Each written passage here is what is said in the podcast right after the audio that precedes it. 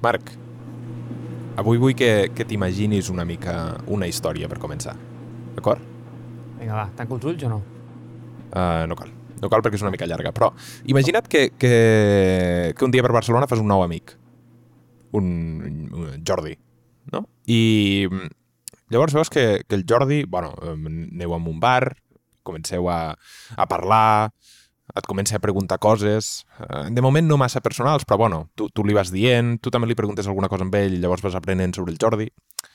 Llavors, veus que al cap d'un temps el Jordi comença com a, a seguir-te pel carrer, no?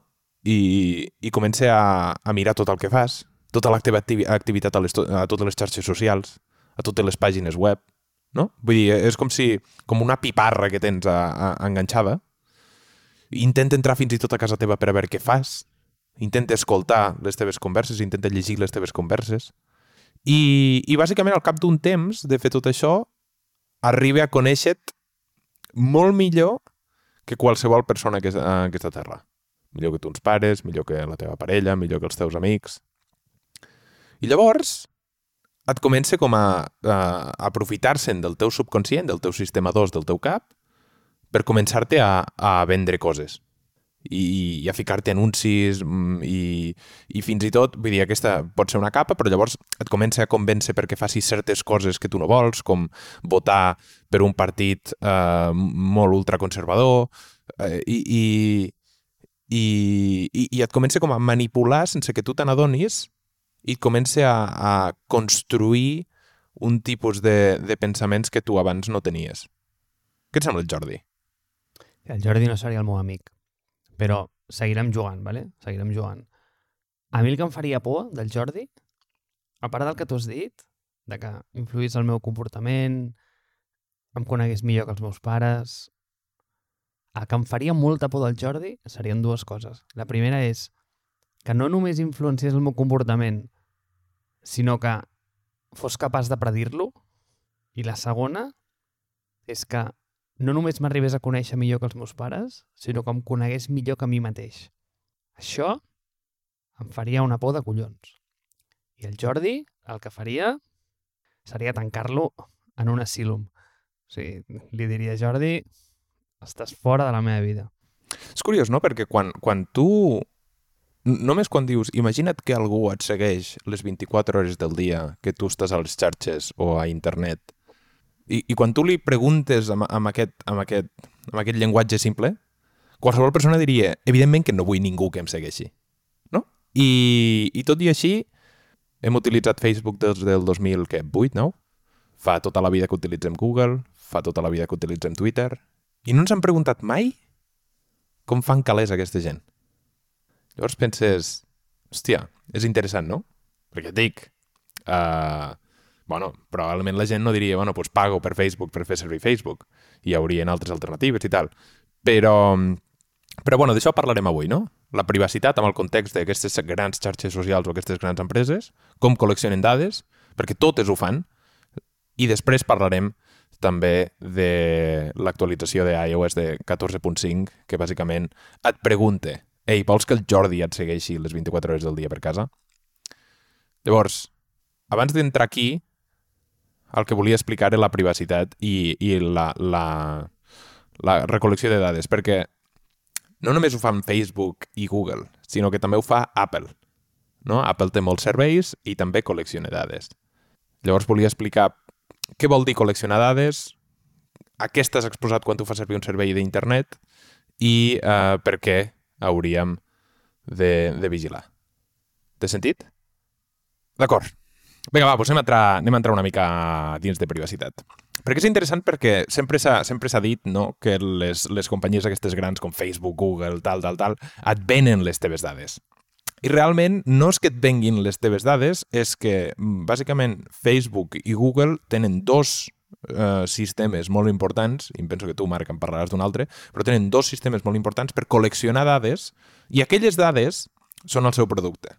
I aquesta és la cosa que és interessant. És a dir, quan tu Apple et ven un, un telèfon, tu compres el seu iPhone i el producte d'Apple és l'iPhone. Llavors no té cap incentiu per minar dades per després treure'n un profit, a part de millorar l'experiència de l'iPhone. sinó que, eh, sinó que Google no té això. És a dir, el, el seu incentiu i el seu producte és un bypass per realment aconseguir el que realment monetitza, que són les dades. És a dir, l'incentiu de Google és fer el millor buscador possible per després minar les dades dels usuaris i eh, no vendre aquestes dades, però fer perfils psicològics perquè quan tu entris a, a fer servir Google pugui agafar tots els anuncis que té la seva plataforma i ficar-te el més rellevant. Llavors, això clica quan tu entens que, per exemple, quan Audi fa un anunci a TV3, paga, és igual, 2 milions d'euros. Però clar, aquest anunci d'Audi de, de TV3 el veu gent que no pot conduir, nens petits, uh, gent que no li interessen els cotxes, gent que li poden interessar els cotxes però no poden permetre's un Audi. Llavors, aquell anunci li acaba interessant a un 3% de la població. En canvi, quan Google sap que tu has estat buscant cotxes, que tu tens el nivell econòmic per fer-ho, que tu ets una persona de tal a tal edat, de, de tal gènere a tal gènere, llavors et pot eh, essencialment ficar els anuncis rellevants a tu i això fa que el teu subconscient pensi, hòstia, un Audi, un Audi, un Audi, i al final, pam, acabi caient. Llavors és un model de negoci o és un model de màrqueting molt més rellevant que els anuncis uh, de gran tirada, com poden ser anuncis a revistes o anuncis uh, de, de tele. Llavors, això és el que, això és el que, això és el que a mi em sembla interessant.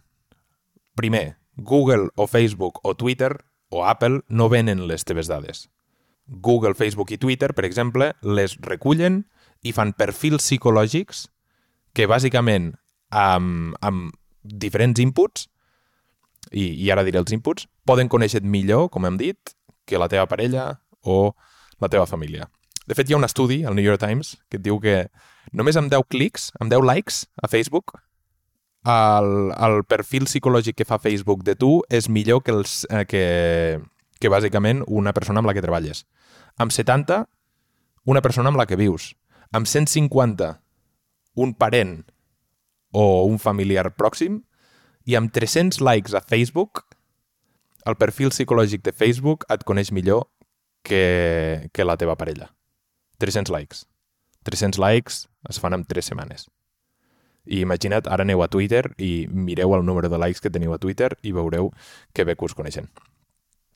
I llavors, bueno, Facebook, eh, dins de la seva plataforma, pot col·leccionar moltes dades, no? Eh, el número de likes, el número de posts, quants, quants segons et passes amb un post determinat, el, el teu scroll, els teus grups... Bueno, tot el que tu fiques a Facebook és de Facebook. Però hi ha un tio, que em penso que és de parla castellana, de fet, que entra a Facebook fa 7 o 8 anys i el que fa és dir, hòstia, podem anar molt més enllà. I aquí és on ve quan el Jordi et comença a seguir per tot l'internet, perquè no és només quan entres a la botiga sinó que el tio pense, imagina't que puguem ficar un píxel, un, un, un petit tracker, a totes les pàgines web que tu visitis i que ens deixin ficar el tracker aquest, i llavors puguem mirar no només l'ús d'internet d'aquesta persona quan està fent servir Facebook, sinó que puguem mirar l'ús també quan està fent servir altres pàgines. Quan tu estàs llegint La Vanguardia, puguem ficar un píxel allà i veiem les notícies amb les que estàs interessat uh, si mires certes pàgines o no, que busques, amb què estàs interessat, i llavors encara poden fer un perfil molt més potent que tu. I no només això, sinó que hi ha una altra dimensió. A part de comprar dades a, a tercers i tal, però sinó que hi ha una tercera dimensió, que és la de una vegada poden comprar les IPs i poden saber i poden geolocalitzar-te a tu, és a dir, no geolocalitzar-te quan a, aquesta persona està en aquest carrer, a, en aquesta ciutat, sinó que et poden dir aquesta persona està al voltant d'altres dispositius i aquesta persona es relaciona amb aquestes persones perquè veuen el, el teu ús de fotografia, el teu ús de d'allò, poden fer un, un cross-matching i poden dir si el Marc està interessat en comprar-se el nou Sonos, i el Marc parla amb el Ramon dos o tres dies a la setmana, el Ramon potser està interessat en els sonos. I aquí és quan veiem coses com eh, jo no volia un gat i Facebook m'està donant anuncis de gats perquè el meu veí estava parlant de gats. I penses, no és que el teu veí, o no és que Facebook estigui escoltant les converses, és que el teu veí probablement estigui obsessionat mirant vídeos de gats, això ve de la mateixa torre, llavors mm, et fotrà un anunci de gat. I com que el teu subconscient fins ara ignorava els anuncis de gats, ara el veu i diu, hòstia, Facebook m'escolta. no, no t'escolte. Les persones que estan al teu voltant estan interessades. Llavors, tenim eh, una plataforma on el seu producte és obscur, perquè tu et penses que el producte de Facebook és Facebook, però el producte de Facebook que monetitza són les teves dades. Tenim unes plataformes que no venen les teves dades, sinó que fan perfils psicològics que poden predir el que tu faràs i el que no faràs. I tot això ho tenim de manera gratuïta i la majoria de gent de la Terra pensa que Facebook és gratuït perquè mm, hi ha una persona molt altruista que ho fa gratuït i no saben com Facebook acaba monetitzant. Perquè si li preguntessin, probablement diria que no. I aquí és el blog de Facebook. Llavors tu volies dir una cosa al principi. Jo et volia comentar que hi ha una dimensió per sobre d'aquestes companyies que tenen un perfil mm, psicomètric teu, però és teu. És a dir, és claríssim que aquesta persona és Ramon Gilabert perquè tu li has dit explícitament que ets tu i està minant les dades sobre la teva persona. El que passa... I, i aquest negoci, mira, fins a cert punt et diré una cosa, eh? I, i Déu meu, no m'escoltis dient això gaires vegades. És bastant transparent. És a dir, nen, saps a lo que vas. Vale? Eh, el producte és gratuït o almenys transparent en el sentit de que m'estàs dient, mira, Marc, tio, entres allà i això no et costarà un duro, però, a canvi, bueno, pues, hauràs de regalar tota la teva informació, a on vas, els teus amics... És transparent, però però realment és una cosa que, que tu vols? És a dir, perquè aquí hi ha una distinció que em penso que no he dit, que és, clar, hi ha el servei, és a dir, abans he dit, Apple també agafa dades. I és veritat, Apple també agafa dades, però Apple et diu, nosaltres agafem dades per recomanar-te millor música quan estàs fent servir Apple Music. No per uh, vendre't o per canviar-te el teu subconscient o per fer coses xungues amb això, sinó que agafem, li passem les dades a aquest curador o és igual amb un algoritme i aquest algoritme torna dades. Clar, el problema no és quan et venen només o quan tu dones tota la teva vida a una companyia perquè et pugui ser viats. És que, clar, això ha canviat el curs d'unes eleccions al 2016 i probablement de tota la puta democràcia del nostre, del nostre planeta. Llavors, hòstia, tenen una gran responsabilitat, eh? I no sé si la gent... Sí que és veritat que és transparent, però no sé si la gent ho acaba d'entendre, eh? Vale, veig per on vas. Mira, anem a fer una distinció. És a dir, no anem a dir... I va, intento fer una mica d'advocat del diable aquí. No anem a dir, ei, ei, ei, les dades són dolentes, ¿vale? perquè és el que tu dius, no? Vull dir, les dades ben utilitzades tenen sentit. Anem a posar dos exemples. El primer és el que has dit tu, el d'Apple, em sembla bo. D'altra banda, mmm, Netflix. Escolta, em va bé que em conegui. Em va bé que em recomani coses bones. Jo estic ok dient-li, ei, m'agrada aquesta sèrie, m'agraden els cotxes, m'agrada... Perquè jo sé que al, al final el que vol és recomanar-me a veure, al final el que vol és que miri més minuts. Està ok, vale? I, i ho entenc. Però al final, escolta, és que m'està recomanant bones pel·lícules. O Sí. anem a dir Spotify, escolta, mm, traqueja'm tant com vulguis, si és que em coneix millor que a mi, si és que em posa una música que mai hauria descobert si no fos per ell. Llavors, jo això estic ok. I, i, i al final jo ho penso, vull dir, tio, no és que la data sigui dolenta. Tu tens un amic, per exemple, i a mi m'agrada que tu em coneguis. Jo et dono dades a tu. A mi el Ramon m'agrada que sàpiga el que jo vull, perquè em comparteix enllaços xulos, m'envia, eh, no ho sé, mm, links divertits que sé que... O sigui, que ell sap que m'agradaran a mi. Això està bé. Això està bé. On veig jo el problema? El problema el veig en aquesta capa que està per sobre de Facebook que no se'n parla tant, que són els brokers de dades. Aquesta broma, hi ha com unes 400 firmes al món que fan això. Aquesta broma està movent... Mira, et faré la pregunta perquè aquest cop t'ho preguntaré jo. De quin tamany creus que és aquesta indústria? Hòstia, no en tinc idea. Eh, Dos bilions de dòlars. Sí, no en tinc idea. Vale. 227 bilions de dòlars l'any. Què fa això? Això és interessantíssim. O sigui, això són firmes que bàsicament agreguen dades teves a base de buscar fonts d'informació de mil llocs. Jo això ho vaig descobrir, història per no dormir, eh? Això ho vaig descobrir fa d'un parell de mesos amb una persona que era una enginyer de dades a Telefònica. I tenia un producte, igual millor no dic com es diu perquè és intern, eh, sí, sí, que bàsicament el que feia... O sigui, a veure, en resum... O sigui, el resum resum és Telefònica no fot un duro. Eh? No, no, no té ni idea de com moure el seu model de negoci. I bàsicament el que té són moltes dades. Té de... Telefònica vols dir el puto monopoli que tenim aquí muntat Sí. eh, per quatre... Pues, que un monopoli no sàpigui com fer calés és per llançar-lo a la basura. Eh? Vale. doncs et dic quin és parèntesi. un dels seus negocis que ara mateix està funcionant millor. I- Déu, que no se m'escapi el nom, eh, per favor. Vinga. Les, les antenes... Vale? Les antenes... Talla, eh, se m'escapa. Les antenes de, de, les, de les torres, bàsicament, tenen el teu identificador i saben que ets tu perquè Marc Collado ha tingut el mateix telèfon des de que ha tingut 13 anys. Des de que li van comprar. Llavors, com a proxy de que el telèfon sempre va amb tu, es poden derivar una quantitat de dades del fet de saber a quina torre estàs connectat que és impressionant. Val? La primera és on dorms. Ja d'entrada se sap el teu nivell adquisitiu, amb qui dorms, generalment, si hi ha persones a prop, perquè la proximitat que ho pots eh, detectar és impressionant i amb el 5G és milimètrica. Aquesta és la primera. Després és com et mous, a on vas, on et pares. Però és que a sobre el negoci és més obscur encara perquè s'ha creat una subindústria que es diuen Phantom Cells. Això és impressionant, eh? Jo quan em vaig enterar d'això, és a dir, ja, o sigui, em va canviar la vida. Clar, però eh, eh, aquí, aquí no hi ha aquest lliberi ja. Per, per això eh, Facebook és opt-in, però això no. Bueno, és, però no és. Què és una Phantom Cell? Un telèfon, per estalviar bateria, sempre es connecta a la torre que té més a prop. Llavors el que fan és que posen antenes que no estan connectades a la red a les botigues. Llavors, què fa el teu telèfon? O, o, o, o als llocs on els interessa tenir una proximitat de dades molt gran o que es connecti al teu telèfon.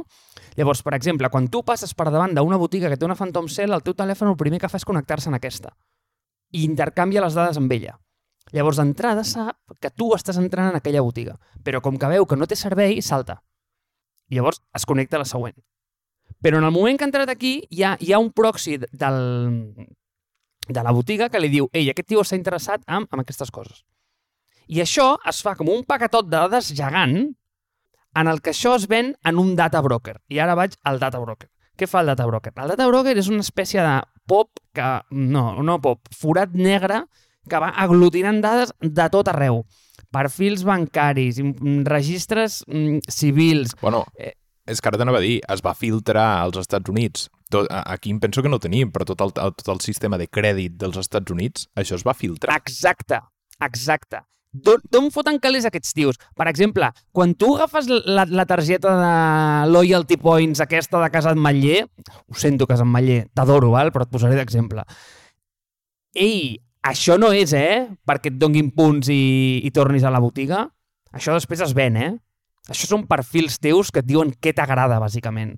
El tema dels, de, de, de Mastercard i Visa, això no fa diners, eh? A base de... Eh, bueno, sí, fa molts diners a base d'això, però també fa diners a base de dir ei, al Marc li agrada, mm, no ho sé, les bicicletes i, i els ordinadors, eh, i el Ramon eh, els equips d'àudio i les ceràmiques hipsters, Sí. saps?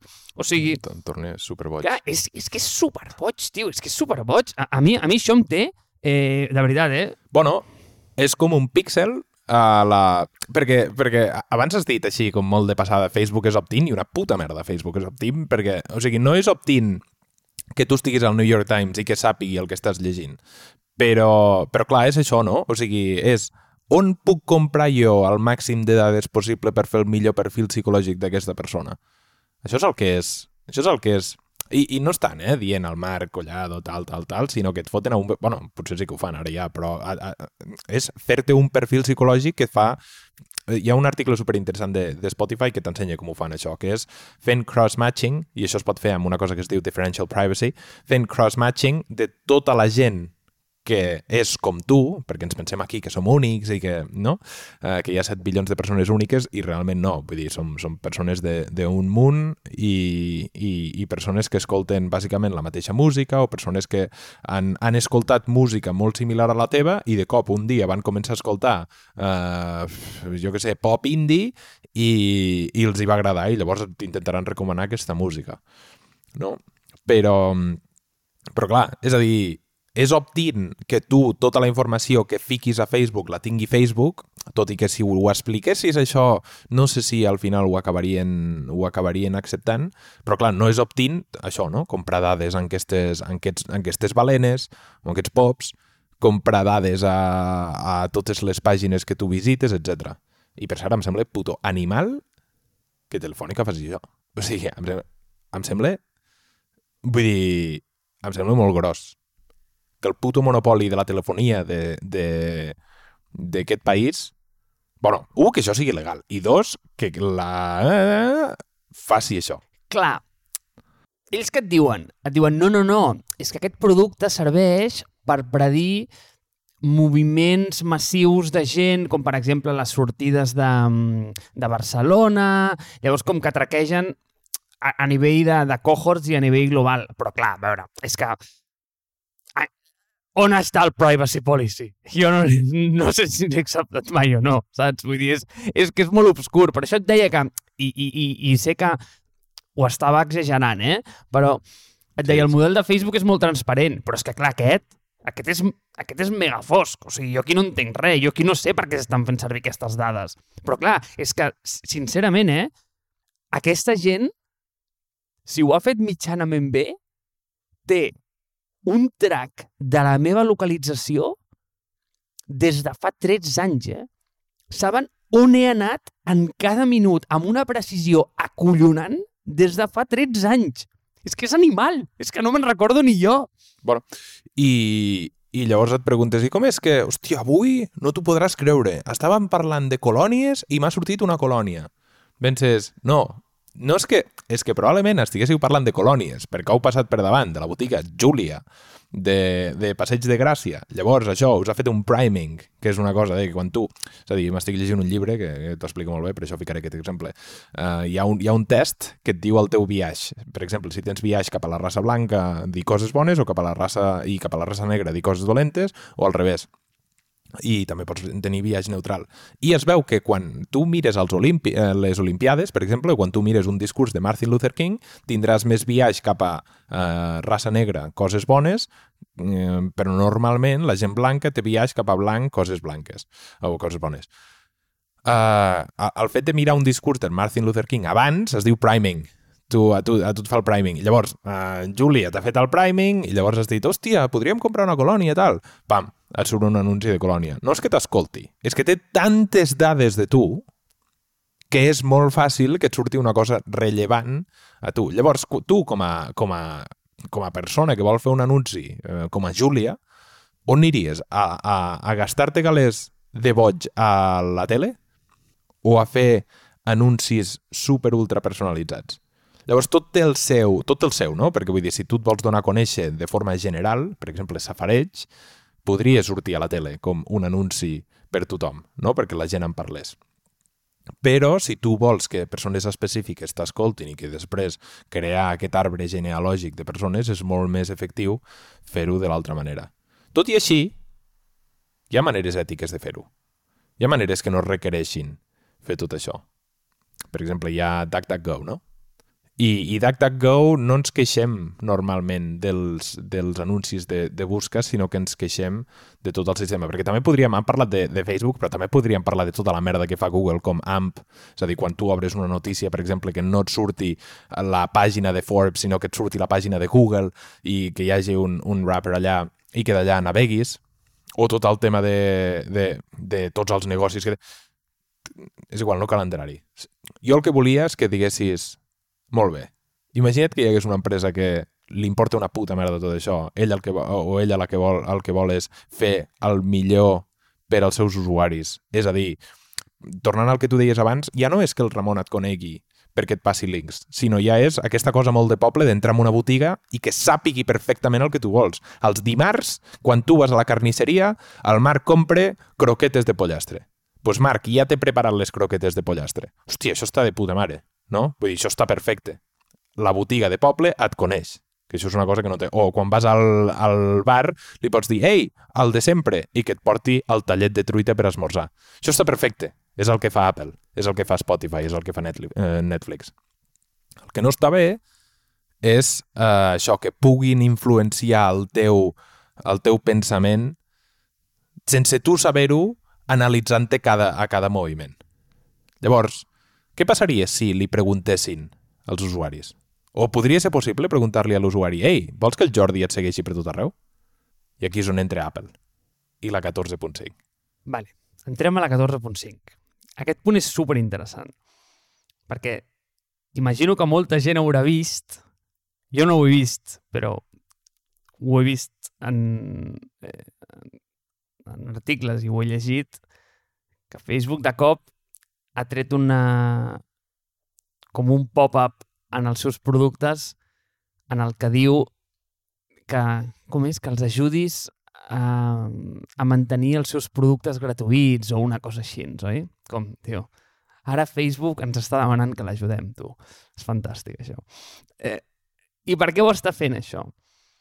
Bàsicament ho està fent perquè generalment els, els updates d'iOS, els punt algo, generalment no li importen a ningú, però aquest cop és super interessant. Perquè ha passat algo molt rellevant per la indústria dels anuncis. I per veure com lo, lo rellevant que és això, ostres, Ramon, fa poc Facebook va presentar mm, quadrimestre fiscal. I és que com pot ser una companyia que estigui tan madura com aquesta? A veure, Facebook és una companyia madura, ens agradi o no. Eh, és pública, fa molts anys que està en el, mm, eh, en, el, en el Nasdaq, ja, ja et dic, vull dir, és una, eh, és una empresa que no, no, no es va muntar fa tres dies. I com pot ser que el seu revenue de, de publicitat hagi pujat un 45% en els primers tres mesos de 2021? És que és una bogeria. O sigui, què, què puja un 45% en una indústria madura? O sigui, ha fet 25,4 bilions només amb, amb, amb advertisement. És que és, un, és, és, és una és una animalada. El que tu em deies l'altre dia de les magnituds, és que això són set vegades el que Twitter fa en un any, eh? En, un, en tres mesos. És, és, és boig. O sigui, és boig. Llavors, què passa amb la 14.5? Bueno, doncs que hi ha un canvi molt important que afecta a gran part de la seva base d'usuaris, que, és, que és mòbil, i a sobre a la branca d'usuaris que no només és mòbil, sinó que té més molla anem a dir, els usuaris d'iPhones. Què és el que passa aquí? Per fer-ho molt fàcil, anem a dir que tu, quan t'instal·les una aplicació, et donen un número. En el moment que tu entres, et donen un número i aquest número està viu dins del telèfon. I aquest, aquest número va generant dades teves entre aplicacions. I en el moment en què una aplicació demana aquest número, et diuen, ei, aquest senyor en aquesta, dintre aquesta aplicació té totes aquestes preferències. Això mai surt del telèfon. Tu t'ho pots endur perfectament a través d'una API, però això mai surt del telèfon. Això viu, vivien allà. I això es podria compartir entre aplicacions. Això està regulat amb un framework que es diu ATT, ¿vale? es diu eh, App Tracking Transparency que bàsicament determina, o sigui, què tu vols ser traquejat a través de a través d'apps, no? Llavors, això el que canvia és que ara això, a part de ser opt-in, és opt-in per aplicacions. Aquest punt és el que molta gent no sabia. Abans això ja era opt-in, des d'iOS 14, però ara ho és selectivament. És a dir, ara pots dir, ei, vull que aquest em, em traquegi o no em traquegi. És a dir, abans tu podies anar a settings i podies desactivar-ho i ningú et preguntava.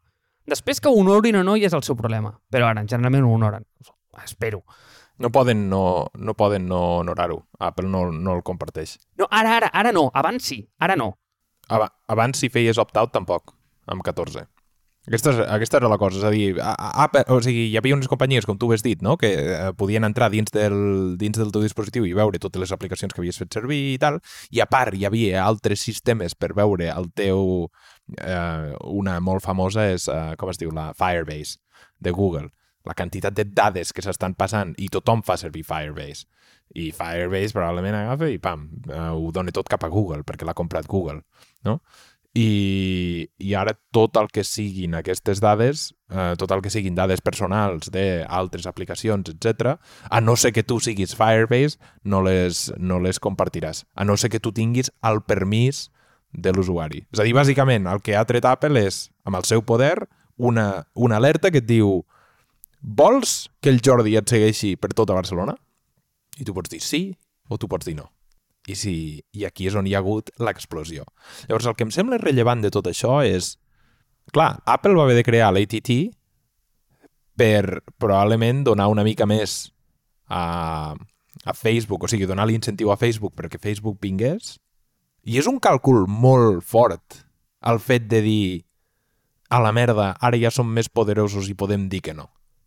És a dir, clar, Apple arriba a, te, ah, arriba a dir això amb iOS 3 i Apple no és ara Apple. Apple ho pot dir ara, això, però. Perquè sap que Google, eh, Facebook què farà? Se n'anirà a la web. I Facebook té molt poder aquí, i probablement se'n podria anar a la web. I això és potser el que farà, però això té una quantitat de, de ramificacions que em semblen impensables. És a dir, clar, Facebook voldrà col·leccionar més dades. D'aquesta manera, la majoria d'usuaris, que és el, el poder dels defaults, no? Quan, quan la casa de la X, o sigui, quan la, quan la d'allò a la declaració de la renta, la X està per default de donar-la a l'església, tothom dona, i quan has d'entrar-hi, llavors només un 10% de la penya en dona, no? I, I aquesta és la cosa, la majoria de gent probablement dirà que no, perquè a part el llenguatge és preciós, és magnífic, és vols que el Jordi et segueixi per tota Barcelona? Pràcticament i tu dius, no, no merci. I, I aquesta és la cosa, com uh, el, el proveïdor de dispositius i el proveïdor d'aplicacions lluitaran o Facebook s'haurà d'inventar una altra manera de mm, fer ads rellevants. Tot i així, sempre torno a la paradoxa de Ramon, si ningú pot agafar aquestes dades, ningú té cap avantatge i tots tornem al punt de partida. És a dir, si abans compartíem 100% de les dades i tots agafàvem el 100% de les dades i ara agafem el 0%, estem igual. És a dir, si ens hem de tancar tots per la pandèmia, ningú té cap avantatge. Aquesta és la cosa. Només tenen avantatge els que ja ho feien abans de manera privada. Clar, a mi això em sembla interessantíssim en, de, o sigui, en quin món, com hem arribat al punt en el que Apple, que és una companyia que fa alumini i plàstic competeix amb una companyia que fa zeros i uns, que és Facebook. No? Vull dir, una, una fa un telèfon, una fa una red social, no? Vull dir, o sigui, com hem arribat en el moment en què aquestes dues han de competir? Perquè, o sigui, realment, tio, tenen un merder eh, i tenen un bon pollastre muntat, no? La segona, que a mi em treu una mica la son, és fins a quin punt la privacitat s'ha convertit en o ha passat a ser d'una desavantatge que feia Apple jugar amb una mà lligada a l'esquena, en, en, en molts planos, eh? I no negaré que durant molt temps fer servir Apple Maps era un drama. Eh, no negaré que l'experiència de fer servir l'assistent de Google és infinitament millor que el d'Apple i això no és res més que el fet de que et perfilin d'una manera bueno, doncs, molt més acurada. I... Hòstia, però però de veritat, de veritat, eh? No, no sé si això és que et perfilin de manera més acurada o Siri, de veritat, contesta'm les preguntes que, que, que et d'allò. Perquè aquest és una mica el problema. El problema és que jo estic a Barcelona i busco uh, Sant Francesc perquè em dongui la capital de Formentera i em surt San Francisco. O busco un carrer d'aquí de Barcelona i em dona un poble a, al Paraguai. Penses, això és perfil? No? Fer, fer això. Llavors no sé fins en quin punt és que que la privacitat guanyi versus no. I jo crec que està embedit en la cultura, no? Perquè al final, i en podem parlar un altre dia, eh? però al, al final com, com s'alinea aquella cultura? Ostres, doncs van a crear una cosa un dia, no? És a dir, té una manera de treballar-se molt diferent una peça de hardware que un servei que és un procés extremadament iteratiu versus un producte físic que té com una data de llançament, un dia que es culmina i on, i on tots els recursos apunten allà d'una manera focal. És a dir, no, no és un procés eh, iteratiu, però això ho podem parlar un altre dia, no et preocupis. A mi, el que... Em, la segona pregunta que, que, que t'estava fent, que, que hem entrat en aquest, en aquest forat, era la de... O sigui, fins a quin punt la privacitat ja s'ha convertit en una manera, en una, anem a dir com en un selling point de, d'Apple eh, versus el, que al principi era, ostres, quasi, quasi com, bueno, una... Un, bueno, un principi que ells es van autoimposar d'alguna manera també per, per diferenciar el seu producte i, i, i per, per buscar-li un angle. I, ostres, vull dir, ara, amb tot el que ha passat i després de tots els escàndols de Cambridge Analytica, mm, com les, eh, no ho sé, o sigui, eh, leakage de dades per tot arreu, eh, com realment això eh, ostres, s'ha convertit en una cosa rellevant per molta gent. I la última, i aquesta ja igual te la, la deixem pel, pel, pel proper capítol, és... Tu has comentat una cosa super interessant. Al final, Facebook què és? És una aplicació dintre d'un sistema operatiu, que és el d'Apple. D'allà no en pots sortir jo ho va intentar, va muntar el Facebook Phone, va fer un autèntic fracàs, eh, va crear una cosa dintre dels Androids que es deia Google Home, una, ai, Facebook Home, una cosa així, eh, un altre fracàs. És molt difícil com moure's amunt en, el, en, en aquest stack, no? Un cop tens com la, la base de sota, i aquestes bases de sota són inamovibles. Ara és Android i ara és iOS, no? Vull dir, aquí no, no tens una altra. A mi em sembla molt interessant que Facebook estigui apretant tantíssim en tota la part de VR amb Oculus. Perquè jo crec que per ells és com la seva via d'escape de trobar la seva terra promesa. És a dir, poder començar a construir des de baix. Perquè ells no poden anar cap a baix, només poden anar cap a dalt en, en els dos sistemes operatius mobile. Llavors jo penso que estan intentant buscar bueno, doncs, tio, una terra inexplorada on tornar a construir un, un nou fonament, un dispositiu on realment ells siguin els owners d'aquella terra. I a mi això em sembla interessantíssim. I jo crec que la següent guerra ja no es lliurarà mm, tant en el plano mobile, sinó que s'anirà més com a, a, a experiències o dispositius diferents. I per això penso que hi ha tant, tanta... Mm, tio, tant interès en aquest món, amb, amb si és AR, amb si és VR, no sé, aquest punt em sembla super interessant. En podem parlar al següent, al següent capítol, si vols. Sí, però això fa que, que o sigui, tothom està al telèfon ara. Eh? O sigui, això és un canvi de paradigma. I sí, sí, és una aposta.